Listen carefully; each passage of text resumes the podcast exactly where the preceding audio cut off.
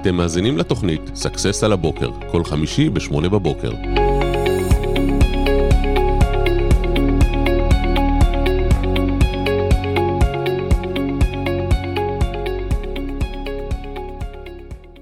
בוקר טוב, בוקר או, טוב. בוקר טוב. מה העניינים? איך חיכיתי התחלנו, כבר להתחיל? יאללה, אז כן. אתה מתחיל בלי להודיע, אבל.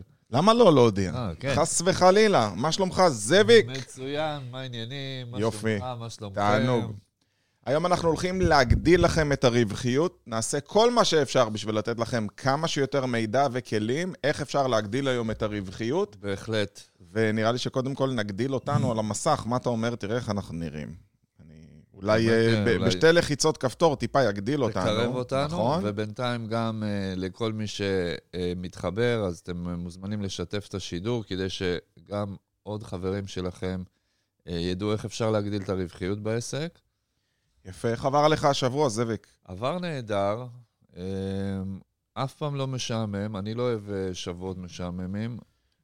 כל, כל השבוע אנשים חדשים, בעיות חדשות לפתור.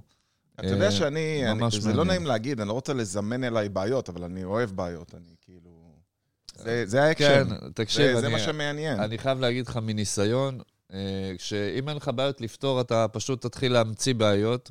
אתה בגלל ש- תמשוך אליך בעיות לא כן, רצויות. אנחנו יצורים מוכשרים ביותר, בנויים אה, לעשות אה, אה, פלאים, ואתה לא יכול לשבת בלי לנצל את אז הכישרונות האלה הפתרון הוא שיש לך. בעצם לייצר לעצמנו את הבעיות, את הבעיות שאנחנו באמת רוצים. או לסירוגין, אה, לעזור לאנשים אחרים בבעיות שלהם, ברוך השם. או. אה, יש אה, הרבה דברים לפתור, ויש לנו הרבה אתגרים אה, לכולנו. אה, ואם גם לכם יש, אז אנחנו שמחים אה, ללוות אתכם ולעזור לכם. אה, וגם כן, כמובן שגם אנחנו נעזרים אחד בשני, כי יועץ טוב הוא גם לוקח נכון. ייעוץ, נכון? מקשיב גם. בהחלט. אז היום השידור שלנו הוא בחסות הסדנה שעומדת להיות ב-23 לחודש, נכון. אם אינני טועה, בנושא הגדלת הרווחיות. איך בעצם מגדילים את הרווחיות, ואתה יודע, אני העברתי סדנת כספים השבוע. ממש יום ו- שלישי הזה. כן, ואחד הלקוחות שאל אותי, הוא אומר, איך התאוששת? סיפרתי להם בקורונה על ההפסדים, על הבניין, על כל מה שקרה. הוא אומר, אבל איך עשית את השינוי? איך בעצם הצלחת אה, לייצר עם פחות אנשים יותר כסף? זה לא הגיוני. שימו לב מה קרה. מעניין. הצלחתי לייצר יותר כסף עם פחות כוח אדם.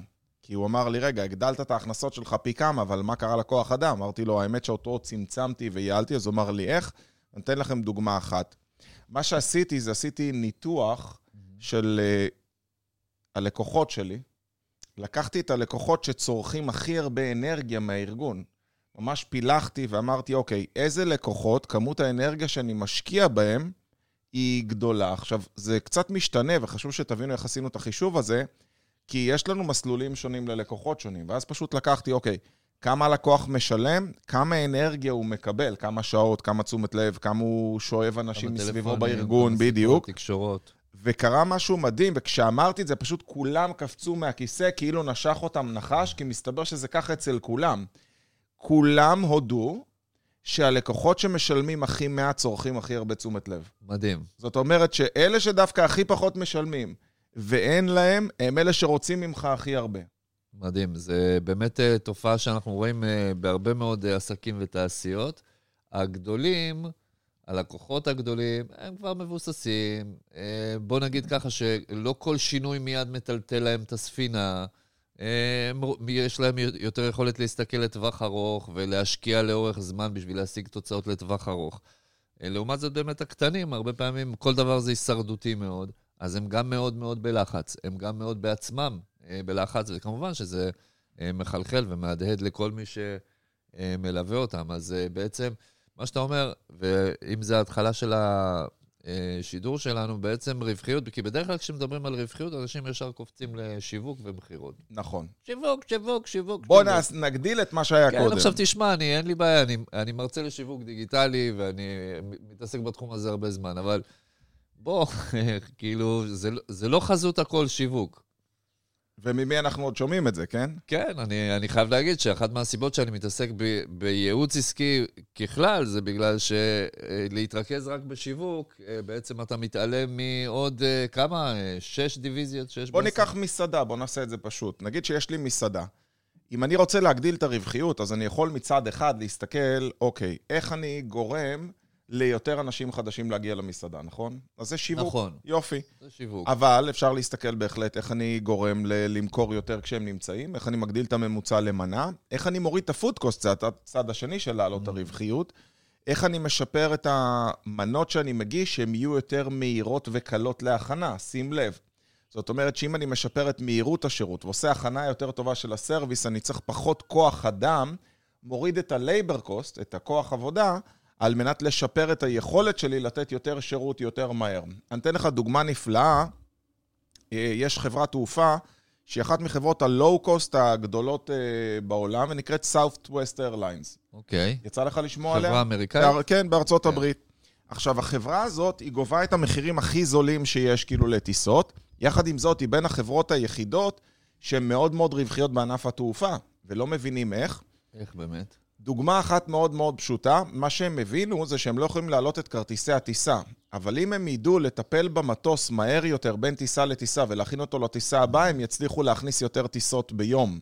וכל מה שהם עושים, זה הצוות שלהם פשוט עובד בשיטה הרבה יותר יעילה מרגע שהמטוס נכנס לשרוול והוא מתחיל לפרוק אנשים, הצוותים תוקפים את המטוס. עכשיו, תחשוב, אם ביום יש אה, עשר טיסות והם מצליחים להוריד את זמן העבודה בחצי שעה על כל טיסה, זה 300 דקות. 300 דקות, חישבתי את זה נכון? כן? 300 דקות. 300 דקות. 300 דקות, אם נחלק את זה לכמות שעות, אנחנו מדברים על שעתיים וחצי. משהו כזה. הצלחנו כן. להכניס עוד טיסה מספיק. קל. כן. הטיסה הזאת זה אותו מטוס, זה אותו זמן, זה אותם אנשים, זה אותם טכנאים, וסך הכל מה שאני עושה, יש לי עוד הוצאה, שזה נגיד הדלק, כי הצוות הוא עובד יומית, הוא לא סופר לך פר טיסה, נכון? נכון. זאת אומרת, כל מה שאנחנו צריכים לעשות זה לראות איך אנחנו יכולים להתייעל. יכול להיות שאני מתייעל בכלל בכמות כוח האדם. אתה יודע, אם ראית את הסרט של מקדונלדס, סרט מומלץ לא, בחום, לא ראיתי. וואי, תקשיב, זה חובה. מה זה הסרט של הסרט של מקדונלדס זה איך אה, הבן אדם בעצם המציא, הוא רצה, היה לו חזון, אני לא זוכר בדיוק את הסכומים, הוא אומר, אני רוצה שיהיה אפשר, ל- במקום לשבת במסעדה, הוא המציא את הפאסט פוד, הוא אומר, אני רוצה שיהיה אפשר תוך שתי דקות להוציא ארוחה לבן אדם, ומה שהוא עשה, הוא לקח את הצוות שלו, הוא אומר, בוא נראה איך עובד פס ייצור במסעדה. נגיד שבן אדם רוצה צ'יפס, שתייה והמבורגר. אז בוא נראה מה הדברים, ואז הוא הלך על סולם, הוא לקח גיר, והוא נעמד באמצע מגרש טניס. והוא אמר, אוקיי, בואו תשרטטו לי עכשיו פה, ועכשיו אני רוצה, אתה תכין המבורגר, אתה תכין צ'יפס, אתה תכין שתייה. אז הוא אומר, זה לא טוב, תראה, אתם מתנגשים אחד בשני, אתה מפריע לו לעבוד. בוא נזיז את התנור לפה, בוא נזיז את הצ'יפסר לפה, ופשוט התחיל לעשות שרטוטים שונים על המגרש טניס, עד שהוא הגיע לעריכה כזאת, שזה מאוד מאוד פשוט. הם עומדים אחד לשני, וזה יש סרט נע כזה, זה, זה רץ. והוא הגיע באמת למצב שהוא הצליח להוריד את העלויות של ההמבורגר לעלות הכי, קלה, הכי אה, קטנה, כן.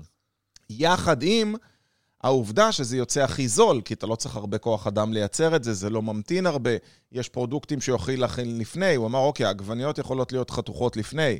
הלחמניות, אפשר להכניס אותן לתנור בשנייה שההמבורגר, אה, שהצ'יפס נכנס לשמן, ואז הכל יוצא במקביל, הוא בדק זמנים, הוא בעצם שיפר את הרווחיות. אז מתי בפעם האחרונה אתם בדקתם אצלכם בעסק את הפלואו, את הזרימה, את הזמני תקן, כמה לוקח כל דבר כדי לחשב מה אמור להיות באמת לפני מה?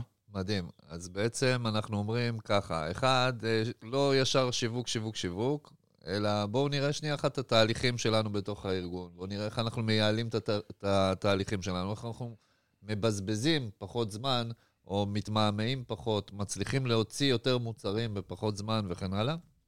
בואו נדבר כמה מילים אה, גם על אה, תמחור, כי יצא לי לראות לא מעט אה, מקרים שבהם, וואלה, יש שיווק, יש לקוחות, יש גידול בכמות הלקוחות וירידה ברווחים. תראה, אחת הבעיות זה תמחור לא נכון, או שלשול של הנחות. ואני אסביר. מה הכוונה? הגיע אליי בעל עסק שההכנסות שלו גדלו מאוד, הוא לקח סוכן, אבל הסוכן הזה אלוף בלמכור הנחות. זאת אומרת, מה שהוא אה, עושה, הוא בא למכור, אתה אומר לו, זה 18,000. הוא אומר, אז הלקוח אומר לו, מה? יש לי ב-12. הוא אומר, יש לך ב-12? כן, ב-11 אז לקחתי. כאילו, הוא פשוט, העיקר לסגור את העסקה, כי הוא מקבל עמלה, לא משנה מה הרווחיות. ובעצם מה שהוא עושה, הוא שוחק את הרווחיות עבור אותו עסק. בעל העסק פתאום ישב וגילה שבסופו של דבר מה שקורה, הוא לפעמים מוכר במחירים שהם 30% פחות ממה שעולה לו, וואו. כי לסוכן לא היה מחשבון תמחור. אתה יודע, אחד הדברים שאנחנו עובדים עם לקוחות, זה לבוא ולהגדיר, אוקיי, מה המדיניות תמחור שלך? כמה המינימום שלך? מה אתה באמת רוצה להרוויח בכל עסקה? ואין פחות מזה. אותו בן אדם, שהוא היה איש מכירות, הוא לא ידע לתמחר, לא הוגדרה לו מדיניות, אז הוא תמחר לפי מחירי השוק. כן, הוא הייתה המטרה שלו למכור כמה שיותר, לס- לסגור כמה שיותר עסקאות, אז אה, אין דבר יותר אה, קל מאשר פשוט להוריד מחירים.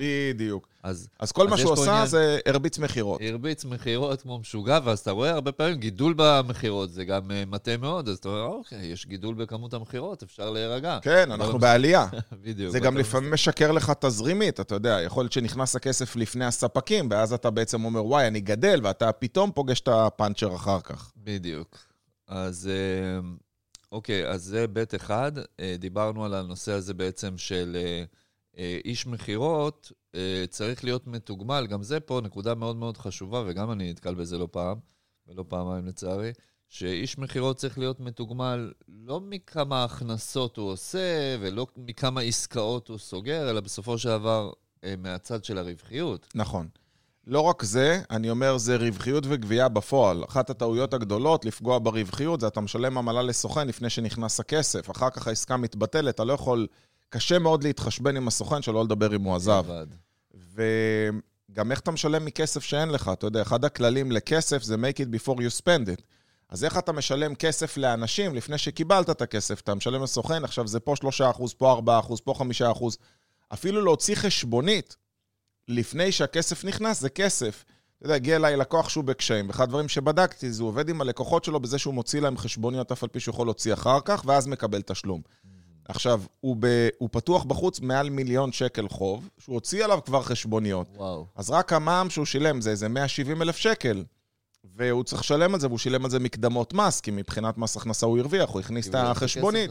זאת אומרת, הוא פתוח באיזה 250 אלף שקל שיצאו לו פיזית מהכיס, שלא לדבר על חומרי הגלם, כן? אני לא יודע איך הוא עובד מול הספקים שלו, אבל הלכה למעשה, הוא מפסיד תזרימית. זאת אומרת, כשאתה רוצה להגדיל את הרווחיות, זה לדעת איך לנהל את הגבייה, לדעת איך לתגמל את הסוכנים, לדעת איך לתמחר נכון. תראה כמה נושאים אנחנו מכסים. לגמרי. לדעת לגמרי. לעבוד יותר מהר, דיברנו על זה שכשאתה מצליח אה, לקזז בעלויות של המתן שירותים שלך למיניהם, אז למעשה כל שקל שאתה אה, חוסך בעלויות זה באמת שקל נטו, ושקל שאתה מצליח להגדיל בהכנסות הוא לא באמת שקל, אלא אחרי שאתה מקבל את הניכויים נשאר לך מזה הרבה פחות, אז זהו. שאנשים לא יודעים באמת מה שלהם ומה לא שלהם, לא תמחרו את הכסף ולא יודעים כמה זה נכנס. אבל בואו נדבר שנייה על איך אנחנו מגדילים את הרווחיות בקטע של יצירת יותר הכנסות. כשאתה מסתכל על עסק, אני חושב שהטעות הנפוצה זה לחשוב שמי שמתעסק בשיווק ומכירות בעסק שלכם, זה מי שעושה שיווק ומכירות. כשלמעשה כולם עושים שיווק ומכירות. אם האוטו שיוצא החוצה עם השליח הוא לא שטוף, אז זה שיווק גרוע. לגמרי. אם אין לך לוגו על האוטו, זה גם שיווק גרוע. אם הנהג שלך פורק סחורה והוא לא נחמד לבן אדם בשטח, זה גם שיווק גרוע, הלקוח לא יזמין לך עוד פעם. אם האיש גבייה שלך לא נעים ללקוח כשהוא גובה ממנו, הלקוח לא ימשיך אצלך שירות. כל בן אדם הוא או מקדם לך את העסק, או פוגע לך בעסק. עכשיו, בסוף, במה אנחנו צריכים להתרכז?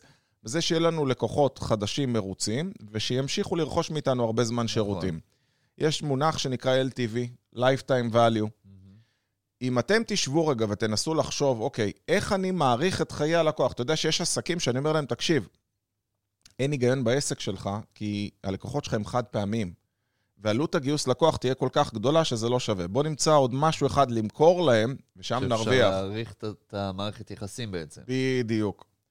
אתמול היה אצלי אה, לקוח, חברה מאוד מאוד גדולה, אה, בתחום כלי הרכב, והוא נמצא בשוק שהשוק טיפה נגמר, בסדר? אני לא, לא אכנס לפרטים, אבל הוא נמצא בשוק שהוא בדעיכה. סתם נגיד רכבי הבנזין לעומת רכבים חשמליים. אוקיי. ו... אבל הוא מוכר בתחום הזה, נקרא לזה חלפים. והוא מזהה שהולך להיות ירידה. תחשוב שאתה בתחום אה, רכבי הבנזין ואתה מוכר, לא יודע מה, אלטרנטורים לרכבי בנ- בנזין. ודי, עוד מעט כבר לא יהיה אלטרנטורים. וכל מה שאמרתי לו, הוא ניסה לחשוב על דברים אחרים ועל חברות אחרות. ואמרתי לו, תראה, אתה חושב על זה מהכיוון הלא נכון. אם אתה רוצה להגדיל את הרווחיות בעסק שלך, אל תלך ותפתח משהו חדש, תרכוש לקוחות חדשים. הרי העלות הגדולה ביותר בעסק היא הרכישת נכון. לקוח. אמרתי לו, בוא נעשה הפוך, בוא נראה מה הלקוחות שלך קונים היום ומה הם צריכים לקנות בעתיד, ואז את זה נביא. במקום לנסות להמציא ביקוש, תחפש מה הביקוש מה הקיים. ממילא כבר קיים. בדיוק. נכון. ואז הוא מגדיל את הרווחיות, כי בעצם אתה לא צריך לגייס לקוחות חדשים, כל מה שאתה עושה זה הולך ללקוחות, אומרים, היי, זוכרים אותי? עד היום הייתם קונים מלפפונים, היום יש לי עגבניות גם. אז כל מה שאתם צריכים לעשות זה כל הזמן לחשוב איך אתם עושים פיתוח עסקי. אם אתם רוצים להגדיל את הרווחיות, הנה אחלה טיפ שכל אחד יכול ליישם. למה שלא תבדקו פשוט מה השירות שהיום הלקוחות שלכם צורכים מספקים אחרים שאתם יכולים גם לספק להם? בהחלט. זאת אומרת, אז אנחנו אומרים פה דבר גם כן מאוד מאוד מאוד חשוב, שבעצם בקרב הלקוחות הקיימים שלנו, או בכלל, הייתי אומר שכדי להגיע לשיפור וגידול ברווחיות, אנחנו צריכים להשקיע במה שנקרא שימור לקוחות, ואיך אפשר, עם הלקוחות שכבר יש לנו, בעצם למכור להם יותר. להציע להם יותר פתרונות, ובכלל, לשמר אותם. אה, כי הרבה להתרכז באיך להביא לקוחות חדשים, ואני רואה הרבה מאוד בעלי עסקים שבפוקוס על איך להביא לקוחות חדשים, ובינתיים אה, בעצם יש לך נזילה מאחורה, מאחורי ה... יפה מאוד. אה, בתחתית הדלי, מה שנקרא, ואותם לקוחות שכבר הכנסת, והשקעת כל כך הרבה משאבים בשביל להביא אותם, ולהתחבב עליהם וכן הלאה וכן הלאה, ואז אתה מאבד אותם בכל מיני דרכים אה, טיפשיות ושוליות. טיפ שהייתי נותן לכל מי שצופה בנו, זה פשוט לעשות איזשהו אה, מנגנון של בקרת איכות. כי יכול להיות שמכל העסק שלך יש לך עובד אחד שמפנצ'ר. מישהו בחוליה, שלצורך העניין, אתה לא מודע לזה, אבל יכול להיות שהשליח שלך, יכול להיות האיש גבייה שלך, יכול להיות שהפקידה בקבלה שלך היא כל כך לא נחמדה, שהיא פשוט מרחיקה אנשים. יכול להיות שיש לך איזה עובד ממורמר שרוצה לעזוב שמלכלך עליך, מישהו שגונב לך לקוחות. אני מכיר חדר כושר, נותן לך דוגמה קלאסית איך זה יכול להיות. הרי חדר כושר מתפרנס ממנויים ומאימונים אישיים. נכון. ואני מכיר חדר כושר שפשוט המאמן האישי, בכל פעם שמישהו היה מגיע אליו לאימון אישי, הוא אומר לו, תשמע, אימון אישי עולה פה 200 שקלים, אבל אתה נראה לי בחור נחמד, אני אגלה לך משהו, אני גם עובד פרטי. אם תבוא אליי פרטי, זה יעלה לך רק 150, בוא תפגוש אותי אחר כך. כאילו, בוא נתאם בשעות שאני לא עובד, יש ימים שאני לא עובד פה. מה שהוא היה עושה, הוא משתמש בצינור השיווק של חדר הכושר, להסיט את הזרימה של ההכנסות לבית שלו. מטורף. וזה קורה הרבה, זאב. כן. ובעצם מה שקרה, הוא היה גונב לו פרנסה. עכשיו, הבעל עסק אומר, מה זה, אף אחד לא רוצה אימונים אישיים. כשהוא היה שואל את אותו בן אדם, מה נראה לך, הוא עונה לו, הוא אומר, תשמע, לא יודע, כנראה אנחנו יקרים, אנשים מעדיפים לשלם רק את המנוי, אבל בפועל הוא פשוט היה גונב לו את כל הלקוחות. עכשיו, אם אתה לא מייצר איזשהו מנגנון ביקורת בכל צ'ק פוינט שיש לך, הרווחיות שלך בורחת, כי אתה בעצם בנית בתוכנית העסקית שלך, שיהיה לך הכנסות ממוצרים, הכנסות מאימונים אישיים והכנסות ממנויים. עכשיו, עוד דוגמה, לי בחדר הכושר שבו אני מתאמן, יש קיר נפלא, מלא מלא מוצרים. מעולם לא הציעו לי שום דבר. שום דבר, שום דבר, שום דבר. האמת, שעכשיו שאני נזכר, עשיתי על זה אפילו פעם שיעור יומי, אה, לא היו לי כפפות אימון, ורציתי, ויש כפפות אימון. ואני מגיע בשש, אתה יודע מה היא אמרה לי? אומרת לי, תקשיב, האשת אה, הקופאית, זאת שעובדת על הקופה, היא מגיעה בתשע, אז תבוא בתשע, תקנה את הכפפות. אמרתי, תקשיבי, אני מתאמן בין שש לשבע וחצי, כל יום, את רואה אותי פה שלוש שנים. אני לא מגיע בשעות האלה. אולי אני אתן לך כסף, תשמרי לי למחר, אסור לי לקחת כסף. אני אשלם בטלפון, תתקשר בתשע. כאילו, כל כך חוסר נכונות או חוסר רצון. אני לא מדבר על זה שאולי צריך להחזיק קופה קטנה ושתוציא חשבונית ידנית. אני לא אומר, תיקחי מזומן בלי להוציא חשבונית כי זה עבירה. אבל החוסר נכונות והראש הקטן הזה, זה מה שפוגע בסופו של דבר בכל ההכנסות. אז בהחלט. כל אחד בעסק שלכם יכול למכור. השאלה אם יש להם נכונות למכור, אם הם מתוגמלים למכור, אם בכלל בודקים אם הם מוכרים. מודעות לזה, ואין ספק שבסופו של דבר, ככל שאתם אה, אה, תנגישו את הדברים שלכם יותר, יהיה לכם פשוט יותר מכירות. אני זוכר שכשהייתי קטן, אה, אימא שלי נורא... פעם היית לה- קטן? פעם הייתי קטן, אה, משהו כזה. ואימא שלי היה נורא חשוב שנאכל פירות, אבל אתה יודע, ילדים אה, לא, מי יש לו כוח לאכול פירות, ולא אוהבים להתעסק עם זה. פשוט מה שהיא הייתה עושה, היא כל הזמן היה צלחת פירות שרודפת אחריך. אתה הולך לסלון, הצלחת מגיעה לסלון. אתה הולך לחדר, צלחת פירות מגיעה לחדר. ואז כשהדברים נגישים, אתה, אתה משתמש בהם. אם זה לא נגיש, אל תצפו ש... אתה יודע, אשתי לקחה את זה. לשלב הבא, אני לא יודע אם אמא שלך עושה את זה. גילינו שאם אתה רוצה להנגיש פירות לילדים, הם צריכים, פשוט אתה חותך אותם. בדיוק. אם זה. שלם, זה כי זה מה, עכשיו אני אתן ביס, לא יודע אם בא לי את כל ואז זה הפרי. כן, ואז זה יישאר פתוח, עכשיו, אם זה. חתוך, בדיוק, אם זה חתוך, זה, אתה שם את זה לידם שהם משחקים, פתאום כזה מתחילים, אה, וואלה, טעים הפרי הזה, זה לא רק חטיפים. בדיוק. ואז הם אוכלים. אז אתה צריך להנגיש אותו דבר ללקוחות שלך, את השירותים שלך. עוד משהו, אם אתם באמת רוצים להגדיל את הרווחיות, למה שלא תעשו סקר? מתי פעם אחרונה עשיתם סקר ללקוחות שלכם לגלות מה הם רוצים? מה חסר מאוד. להם? תנצלו את זה שיש שנה חדשה, עונה חדשה, פגרת הקיץ או חופשת הקיץ, לא משנה מה. תוציאו סקר, תגידו, לכבוד ה... אנחנו עושים סקר לדעת מה הטרנדים החזקים ביותר או החדשים ביותר בתחום. מה לדעתכם יהיה הטרנד הבא בענף ה... מה המנה שהייתה הכי חסרה לכם במסעדה? מה לדעתכם הולך להיות הטרנד בענף הכושר? עכשיו, במקום לנחש, פשוט תשאלו, אני פעם הייתי עושה פספוס באופן קבוע ביום ההולדת של אשתי. הייתי ממציא מתנות. אתה יודע. קונה לה טיול קרנפים בצניחה. אתה יודע, זה משהו כזה שנשמע לי אקסטרים מגניב. שלך נשמע מגניב. כן, אני אומר, וואי, טיול קרנפים בצמיחה, איך הייתי. רוצה לצנוח עם קרנף, ומשום מה היא לא הייתה מתחברת לחוויות שאני אוהב. עד שבסוף גיליתי שהדרך הבטוחה לקנות לאשתי את המתנה שהיא אוהבת, זה פשוט לשאול אותה מה היא הייתה רוצה. כאילו, כל כך פשוט. אז אתם צריכים לשאול את הלקוחות שלכם מה הם היו רוצים, מה הם אוהבים, ואני מבטיח לכם שהסיכוי שתקלעו לזה פשוט הרבה יותר גדול. בכלל, אם אני יכול להוסיף על זה, בכלל תשומת לב ללקוחות, זה דבר נורא נורא קריטי. וזה אפילו, זה ברמה כזו, אני שם לב לא פעם, אני, אתה הולך לבית קפה, או שאתה הולך לאיזה, אפילו מכולת, לא יודע מה, ויש כמה אנשים בתור, ממתינים, ואם, ו, ואני רואה ממש, יש סוג מסוים של לקוחות, שאם לא מתייחסים אליהם, אם לא מישהו שואל אותם, כן, אפשר לעזור לך, כן, סליחה, מה אתה צריך? הוא יעמוד שם, הם פשוט יעמדו, הם עומדים, הם מתביישים, הם אה, מחכים או שמישהו... בשלב מסוים הם הולכים. ואז הם הולכים, בדיוק. הוא לא. קיבל שירות, הוא לא ביקש, הוא לא שאל בעצמו, הוא לא שאל, סליחה, אפשר, סליחה. לא, הוא פשוט מחכה שיזמו את הפנייה אליו, ואם לא, נכון. פשוט נעלם. אתה יודע שאשתי מסוג הצרכנים האלה שהם נכנסים לחנות והם אה, מנסים להימנע ממוכרים ובטוח לא פונים אליהם. אני כאילו נכנס, מרים את היד, "אה, מי עובד פה? ישר, תן לי שירות. כן. בוא, אני רוצה לצאת מפה כמה שיותר מהר. ואשתי היא כזה, לא, לא, אני אסתכל, עושה ארבע צעדים פנימה לחנות, מסתכלת ימינה, שמאלה. לא, אין להם אה, מה שאני מחפש. אני אומר, רגע, שנייה, לא הסתכלת ב-80% מהחנות, לא בדקת ראית כלום." כלום. ואם אני מוכר, יש כאלה שיש להם כל מיני שיקולים של בוא ניתן ללקוח להסתובב, בוא לא נקפוץ עליו, בוא לא נפחיד אותו, בוא לא נדחוף. סליחה, אתה פה לעזור ללקוח להגיע לפתרון כמה שיותר מהר. בסופו של דבר, מי שנכנס לחנות, יש לו בעיה. חסרות לו חולצות לבנות בארון, בסדר? בהחלט. אתה תגיע, אם תעשה את זה עם חיוך, אתה יודע, אתה יכול לבוא בהומור, להגיד, אה, תשמע, יש פה הרבה דברים שמסתירים ממך, אבל אל תגיד שאמרתי לך. אם אתה רוצה, אני אגלה לך איפה הם. אתה יודע, זרוק איזה משהו מצחיק כזה, תזרום עם הלקוח. בהחלט, צור אינטראקציה. הכשרה, דרך אגב, אחת הדרכים הגדולות ביותר לפגוע ברווחיות, יש משפט שאני מאוד אוהב, הוא אומר, עולה כסף להכשיר עובדים, אבל עולה הרבה יותר כסף אם לא הכשרת את העובדים. אם אתם לא מכשירים את העובדים שלכם, דוגמה, אם אני לא מכשיר עובדים במכירות, אני פוגע בהכנסות. אם אני לא מכשיר את האיש גבייה, אני פוגע בגבייה וברווחיות שלי, אולי גם בשירות.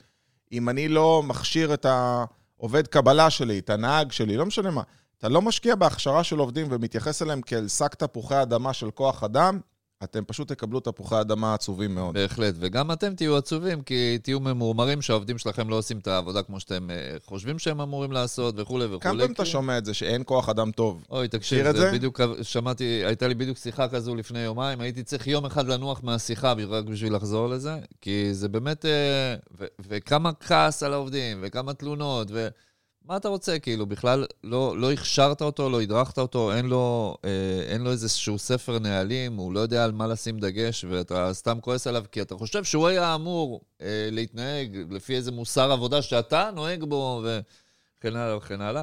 אז uh, כמובן, כמובן שלא.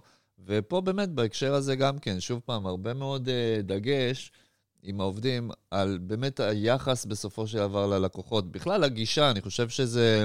אם, אם לא מדברים על זה, אז, אז זה, לא, זה לא יסתדר לבד בצורה נכונה. לעובדים לא לבד הם ירכשו גישה של, אוקיי, איך אני עוזר ללקוחות. צריך לעזור ללקוח. אנחנו פה כדי לעזור לאנשים. אתה צריך להנחיל את זה. אה, בוא תחייך לבני אדם. כמה פעמים אתה נכנס לכל מיני משרדים או לכל מיני מקומות עבודה בתור לקוח, ואתה נכנס וכולם הם או, או מאוד עסוקים, או עם איזה פרצופים מאוד... אה, אתה אומר, אוקיי, כאילו, בוא תקליל, בוא תחייך אליו, בוא תשאל אותו מה הוא צריך. אפילו, אגב, תשומת לב, אני חושב שזה אחד מהמוצרים הכי נדרשים. זאת אומרת, הרבה פעמים אנשים והכי הולכים... קל לספק את זה, לא עולה כסף. בדיוק, לא עולה כסף. חייך. כמה דברים אנשים עושים בשביל לקבל תשומת לב. אני, למשל, יש לי מכונת קפה בבית, אבל אני בכל זאת הולך, שותה קפה בחוץ בבית קפה, אז למה? יותר נחמד. כן, אני אוהב, מחייכים אליי, הוא מחייך אליי, יש לי מישהו לדבר איתו. מגישים לך כוס נחמד כזה. כן.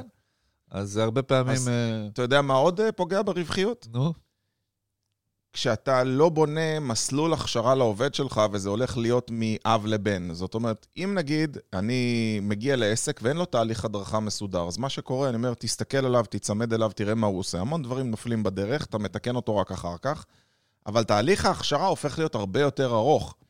רשת חנויות שליווינו היה לוקח פעם להכשיר מנהל, משהו כמו חודשיים, הוא היה צריך להיות צמוד למנהל אחר.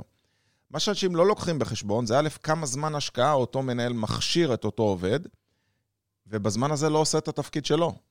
פעמיים אתה... בדיוק. למעשה, ואתה משלם עוד כסף למנהל אחר, שבזמן הזה מה שהוא עושה, הוא בעצם מבזבז לך את הזמן.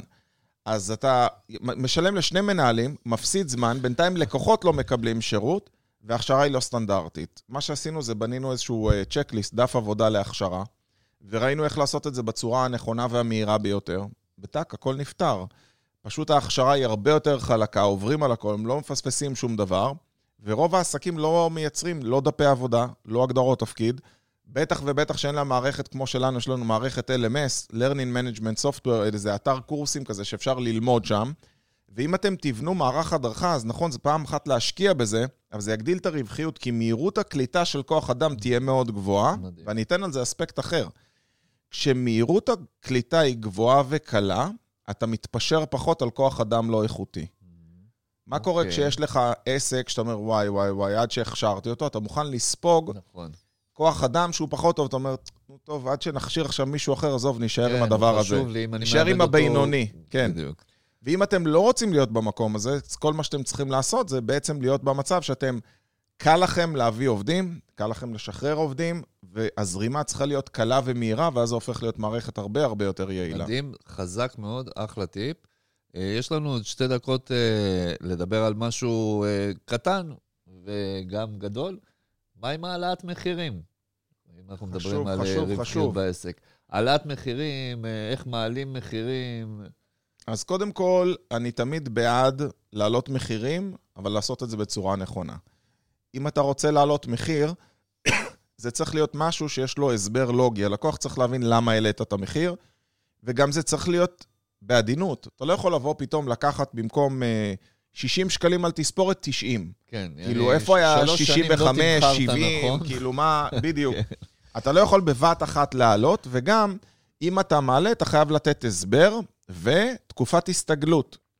זאת אומרת, אני אתן לך דוגמה, נגיד שאני מספריים, כבר נתתי את הדוגמה, אני אשים שלט, תספורת עולה 70 שקלים, ואז מגיעים כל הלקוחות החדשים, לא, תראה, בגלל שאתה לקוח חדש, עד סוף חודש הבא אנחנו שומרים לך את המחיר ישן, אבל מהפעם הבאה שתדע, המחיר עלה ל-70. לקוח חדש שמגיע, הוא מראש רואה שלט שתספורת עולה 70. ובעצם מה שאני עושה, אני לא מודיע עכשיו לכולם. אתה יודע למה אני לא מודיע לכולם? כי אם אני מודיע לכולם, הם לא יבואו, הם יגידו, אה, אולי נחפש אלטרנטיבה אחרת. אבל הוא כבר בא ודיברתי איתו וסיפרתי אותו. ואז אמרתי לו, מפעם הבאה שתדע שזה עולה, אתה רואה, כבר העלינו את המחיר. לקוח חדש עדיין משלם 70. אתה, בגלל שאתה לקוח קיים, אתה משלם, יש. לך תקופת הסתגלות. יפה מאוד. אז אה, העלאת מחירים זה גם חלק מהדברים שאנחנו יכולים לעשות בשביל אה, אה, להגדיל את הרווחיות, אבל חשוב להיות פשוט גם מתומחרים נכון, כמו שאמרנו קודם. זה, ואנשים לא יודעים לתמחר. כאילו, זה... צר לי שאי אפשר להכניס את זה לשידור כל כך מהר, הם לא יודעים לתמחר את העמסות, כמה כסף להעמיס, אם אני מספרה, אה, על מי מעמיסים את השכירות, את מי מעמיסים את הבחורה הנחמדה בקבלה, על מי מעמיסים את הקפה, כמה זה באמת ביחס ישיר, האם זה אותו דבר על מוצר שהוא החלקה שעולה לי 3,000, ואותו דבר על תספורת לגבר שעולה 60, איך אני מעמיס את העלויות פר בן אדם, פר כיסא, פר תספורת, פר מוצר. אני לא רוצה לבלבל אותם. לגמרי. אנחנו חייבים להבין שיש בכל מקום גם גלם, את העלות של התער שהוא מגלח איתו, או הצבע שהוא צובע איתו, ויש את עלות העבודה, ויש את העלויות המשניות של התפעול מסביב. מה עם הזמן ניקיון, שהכיסא לא עובד? כמה פעמים ראינו אנשים שאת עצמם, את הזמן עבודה של עצמם, הם לא מתמחרים. ומה עם הזמן שהכיסא לא עובד? הרי אה, מספרה לא עובדת 12 שעות רצוף, יש שעות מתות. נכון. אתה צריך לתמחר, אז אולי תיקח בחשבון רק את השעות האמיתיות שאתה יכול לעבוד, ולא את כל השעות, כי אתה לא יכול לחשב 2 עד 4 לעומת 6 עד 8 בערב. תמחור זה נושא אחר, הלוואי וזה היה הרבה יותר פשוט, הייתי שמח לעזור ולתת. תמחור לרוב זה משהו שאנחנו עושים פר לקוח ומסבירים לו ממש איך לעשות. אבל אם אתם לא תדעו לנהל את הכסף שלכם ולא תשלטו ברווחיות, לעולם לא תפגשו את הכסף. זאת אומרת, בהחלט.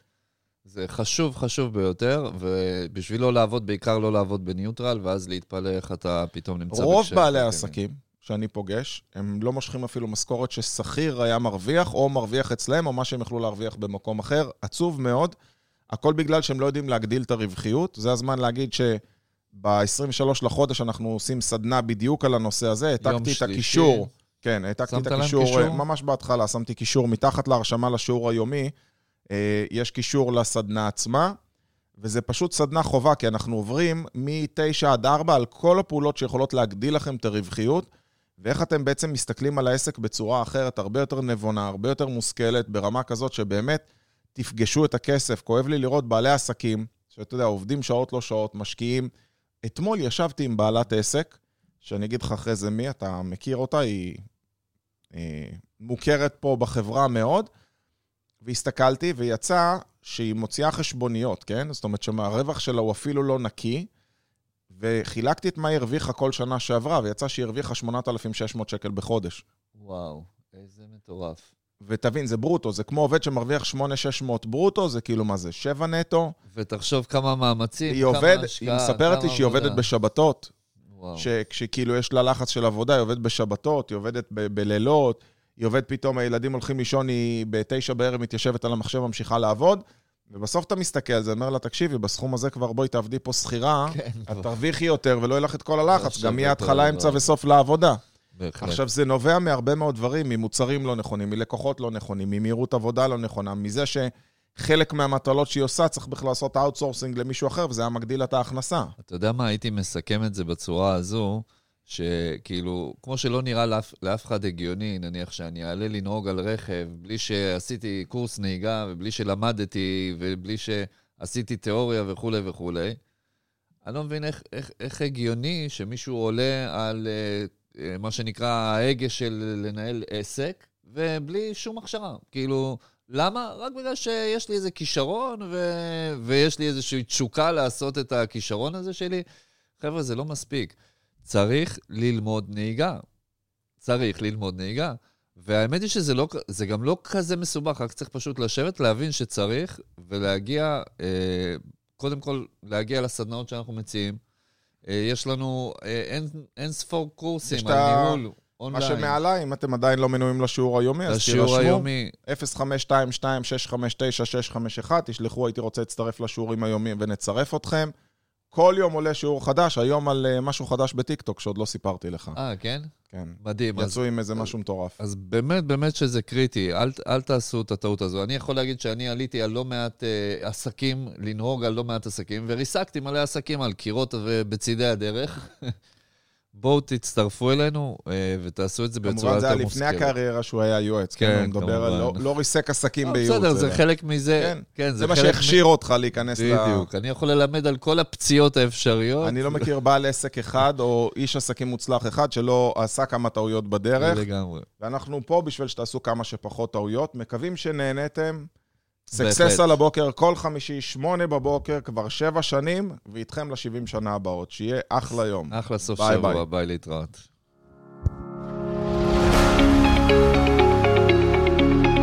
אתם מאזינים לתוכנית Success על הבוקר,